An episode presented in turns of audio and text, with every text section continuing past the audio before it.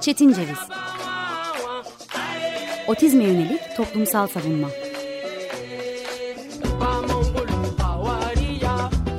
Hazırlayan ve sunan Deniz Yazgan. Merhaba, 95.0 Açık Radyo'ya, uzaklardan bağlanmaya, radyomuzu ve radyomuzun yarattığı dayanışmayı her geçen gün daha da çok özlemeye devam ediyoruz. Ben Deniz Yazgan Şenay. Bugün 22 Şubat 2023 Çarşamba. Türkiye'de otistiklerin var olabilmesi için mücadelemizi ve düşlerimizi paylaştığımız Çetin Ceviz dinliyorsunuz. Bugün bizden ben diline geçeceğim çünkü önümüzdeki 25 dakikada Türkiye'de 10 ili etkisi altına alan 4 büyük depremin ardından 6 Şubat'ta gerçekleşen Kahramanmaraş merkezli iki deprem ve 21 Şubat'ta gerçekleşen, özür dilerim 20 Şubat'ta gerçekleşen Hatay merkezli iki depremin ardından otistiklere yönelik çözüm önerilerinin var olup olmadığını konuşacağım kendi kendime bugün.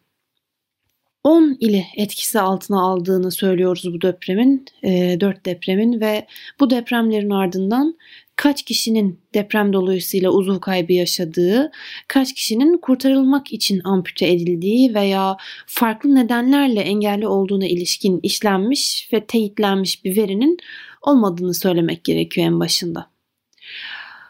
Evet, özellikle pazartesi gecesi olan depremin ardından arama kurtarma çalışmalarının ve buna bağlı olarak tedavilerin yenilenerek devam ettiği bu süreçte güvenilir verinin bulunmaması belki tolere edilebilir. Ancak deprem öncesinde de engellinin depremden korunmasına, depremde hayatta kalabilmesine ilişkin çözümlemelerin hep kağıt üzerinde olduğunu da söylemek gerekir. İyi örneklerden bir tanesi AFAD'ın Anadolu Üniversitesi ile ortak çalışması olan ve farklı engel türlerine göre deprem hazırlığını, bina içerisinde, konut içerisindeki deprem hazırlığını, deprem çantasında nelerin olunması gere- e, bulunması gerektiğine ilişkin anlatımın iyi bir örnek olduğunu söyleyebiliriz ama bu anlatım bağlamındaki izlencenin de takip edilmediğini yaşadığımız iki haftalık e, afet döneminden de tecrübemize sabitlediğimizi söylemek gerekiyor. Bu nedenle bugünkü program afet sonrası engelliliği işleyecekse iki şekilde işlemeli. Depremden önce de engelli bulunan depremzedenin iyilik hali ve deprem dolayısıyla engelli olan depremzedenin yeni yaşamı. Yeni yaşamdan söz edeceksek eğer bununla birlikte Türkiye'de engelliğin nece ve kimce, kim tarafından açıklandığına da bakmak lazım. Türkiye'de engelli tıbbiye açıklıyor. Engelli açıklayan tıbbi model demek yerine neden bu cümleyi kurmam gerekti? Bunu açıklayayım biraz. Çünkü eğer toplumsal sağlamcılık normları dolayısıyla damgalanmamak, temel ve sosyal haklarınızdan men edilmemek için tam teşekküllü bir hastanenin heyetinin karşısına çıkmamış ve engelli raporu almamışsanız veya teşhisinizi sicilinize işletmemeyi tercih etmişseniz deprem bölgesinde ya engelinizle ya da sizden daha ehil olan depremzedenin vicdanıyla baş başaydınız. Görünmeyen engellilik ve özellikle kayıtlarda görülmeyen engelliyi ele almak lazım o yüzden. Tipoloji bağlamında e, komşu Ayşe teyzenin Türkiye'de yaşayan ortalama bir insanın algıladığı engellilik genellikle yeti eksikliği veya uzuv kaybıdır çünkü. Görünmeyen zihinsel ve mental engellilik bakımındansa engelle baş başa olmanın çok önemli olduğunu düşünüyorum. Elbette ilaç kullanımı için tıbbi rapor gerekli. Ancak dediğim gibi bu görünmeyen engeli bulunan kişilerin engelli olduğunu kanıtlaması hele de bir depremzedeyken gerçekten çok zor ve deneyimlerimizle de sabit ki hayatı çok daha zorlaştırdı. Beyaz baston, işitme cihazı, işitme cihazının yedek pili, tekerlekli sandalye, protez, ortez ve bu cihazları kullanmak adına gerekli ürünler. Örneğin bir protezi e, kullanmak için gerekli olan jel. E, ayrıksı e, olarak e, ele alınması gereken konular. Deprem bölgesi için konuşacaksak eğer bunların ortalama bir şekilde dördüncü gününde, depremin dördüncü gününde depremzedeye temin edildiğini görüyoruz verilerimizden. Bağımsız olarak tuttuğumuz verilerimizden, kendi deneyimlerimiz üzerinden. Özellikle yeti kaybına dayalı engellilik bakımından görme engelli kişinin beyaz bastonu olmadan, fiziksel engelli kişinin kullanıyorsa tekerlekli sandalyesi olmadan enkaz etrafında ihtiyaç dağıtılan bölgelere gidip kendi ihtiyacını alması işitme engelli bir kişinin kepçeler, ekskavatörler arasında işlerini halletmesi çok ama çok zordu ve bunu göze alarak A noktasından B noktasına depremzede olduğu enkaz bölgesinden kriz masasına gitmesi gereken yerde çok büyük bir risk oluştu. Otistik ve nöroçeşitlilik sahibi engellilerin bir kısmı depremi tipik biçimde algılamadığı için depremden ayrıksı bir tehlike muamelesi gördüler. Rutinine, evine geri dönmek isteyen otistikler hasarlı evlere geri dönmek, evlerinden çıkmamak istediğinde bu durumu otistikleri karga tulumba bir yere taşımaktansa doğru biçimde iletişi geç, iletişime geçmeyi seçen saha çalışanı çok azdı. Bu bağlamda sahada büyük bir emek veren bütün bileşenlere, emekçilere saygım sonsuz ve ömrüm boyunca o kişilere minnettar kalacağım. Ee, ancak bu bağlamda sahada dil ve konuşma terapistlerinin bulunması gerektiğini de söylemek gerekiyor. Yapılan en büyük çalışmalardan bir tanesi, en önemli çalışmalardan bir tanesi Türkiye'de konuşulan diller ve uluslararası arama kurtarma ekiplerinin Türkiye'ye geldiği dönemde İngilizceyi de kapsayacak şekilde dört ayrı dilde hazırlanan iletişim panolarıydı. Kendisini sözel olarak ifade etmeyen veya arama kurtarma çalışanının konuştuğu dili konuşmadığı için nerede sorun yaşadığını veya engelini açıklayamayan kişiler için yapılan bu iletişim panolarını Merhaba Spektrum ve Özgür Eller inisiyatifi hazırladı ve ardından Afet Otizm Dayanışma Ağı'nın e, bir parçası haline getirdi. Alınan dönütlere göre belediyeler aracılığıyla yardım tırlarına konulan bu iletişim panoları e, az insana ulaşsa da çok büyük farklar yarattı. Bu bağlamda engellilik ve depremi konuşmaya devam edeceksek Türkiye'de engelliye bir türlü zaman ayıramayan, engelli yerine engelliye bakım göstereni önceleyen politika üreticilerinin politikasızlığından da söz etmek zorundayız. Politika üretici pozisyonunda olmayan, karar alma mekanizması içerisinde bulunmayan kişilere de eleştiri yönlendirmek zorundayız engelli hakları savunucularının ve bizzat benim randevu taleplerimi ya şimdi önce seçim var ama şimdi de anayasa değişikliği diyerek reddeden, öteleyen muhalif siyaset kategorizasyonunda engelliye yer vermeyenler engelli depremzedilerin acılarından da sorumludur diye düşünüyorum. İki hafta önce de engelli olan depremzedenin 6 Şubat gecesi engelli olan depremzedenin de acılarından sorumlu olduğunu düşünüyorum. Belki cümleyi yanlış kurmuş olabilirim. Bundan önce engelli olan depremzedelerin de 6 Şubat gecesinden sonra engelli olmuş depremzedenin de acılarından sorumlu kişiler siyaset üretme yükünü üstüne almışlar ve karar mekanizmasında olanlardır diye düşünüyorum. Şimdi deprem dolayısıyla engelli olan depremzedeyi yeni yaşamında bekleyen toplumsal sağlamcılık normlarından da söz etmek gerekiyor. Engelli olmanın ne demek olduğunu engelli olmayan kişilerin korku dolu hikayeleriyle öğreneceği, bu hikayeleri yaşamı boyunca duyduğu için yaşamından umudun silindiğini düşünecek ve engelli depremzedeyi çok öfkelendirecek, yapamazsın edemezsin cümleleriyle dolu bu süreçte büyük bir içselleştirilmiş sağlamcılık tehlikesinin olduğunu, e, bunun pusuda beklediğini söylemek gerekiyor. Bunun önüne geçmek için yapılması gereken, depremden önce de yapılması gereken bence çok basitti. Engelliyi lider kabul eden, engellinin oluşturduğu platformları kulak vermekti bunun çözümü. Engelliyi açıklayan sosyal model ve insan hakları modeli çerçevesinde politika üreten, e, politika üretmeye hazır idarelere ihtiyacımız vardı. Engelli raporu kimliği çıkartmaktan ötesini yapmaya ihtiyacımız vardı. Engelliyi bir sosyal güvence sorunu olarak görmekten yani yalnızca maaş bağlatıp onu da bin bir zorlukla bağlatıp yola devam etmekten mış gibi yapmaktan ötesine ihtiyacımız vardı.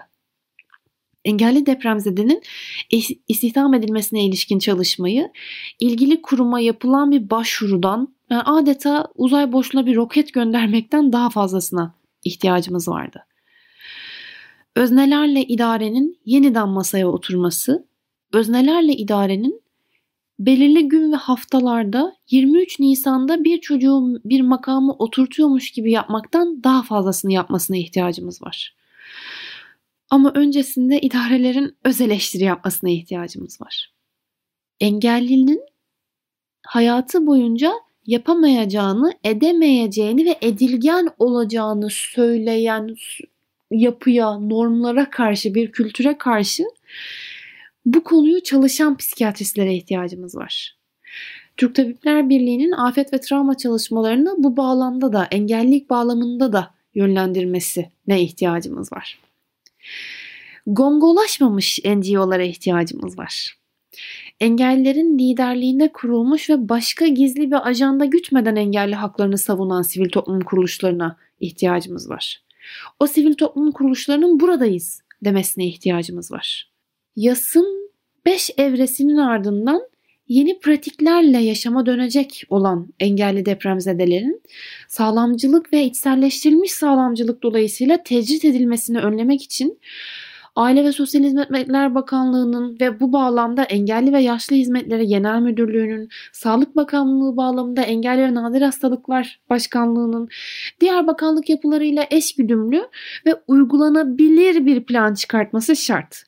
O planların doğru şekilde yapılması, engellinin liderliğinde yapılması ve artık uygulanması şart. Tüm bunların ardından somut dönemde engelli depremzedenin ne yapması gerektiğine odaklanacağız çünkü. Eğer bunu odaklanacaksak engelli raporu ve kartı almaktan daha ilerisine gitmeye ihtiyacımız var.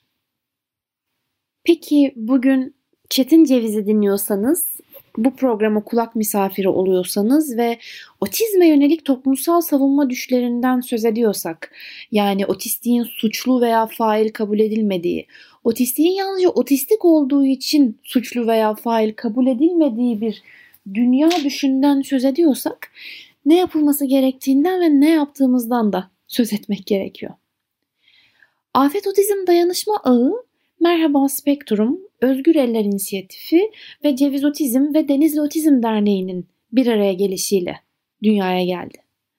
Bu dünyaya geliş biraz önce söz ettiğim gibi iletişim panolarının oluşturulması ve deprem bölgesine yönlendirilmesi ve ardından bunlara ilişkin çalışmalarda daha fazlasını yapmamızın gerekli olduğunu düşündüğümüz dönemde dünyaya geldi. Kahramanmaraş'ta gerçekleşen 7.7 ve 7.6 büyüklüğündeki iki depremin ardından Türkiye'de otistikler için gerekli koşulları içerecek şekilde arama kurtarma, tahliye ve destek protokolü oluşturmak adına e, dünyaya gelmiş bir sivil, sivil toplum inisiyatifinden söz ediyoruz. Bu depremlerle ortaya çıkan travma ve travma sonrası strese odaklanmak AODA'nın Afet Otizm Dayanışma Ağı'nın önceliği. Deprem sonrası altın günlerin yani ilk 72 e, saatin ardından otistiklerin başta deprem olmak üzere Türkiye'nin bölgesel doğal afet tehlikeleri göz önünde bulundurularak afet hazırlığında bulunmayı amaçlıyoruz.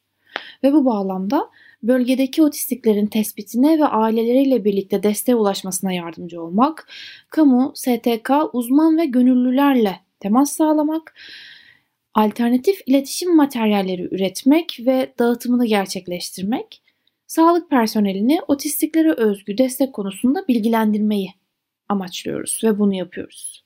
Biz bunu bu dört deprem bağlamında yapmaya çalışırken aklımıza jeoloji uzmanlarının, jeologların, jeoloji mühendislerinin, şehir planlamacılarının feryatları geliyor.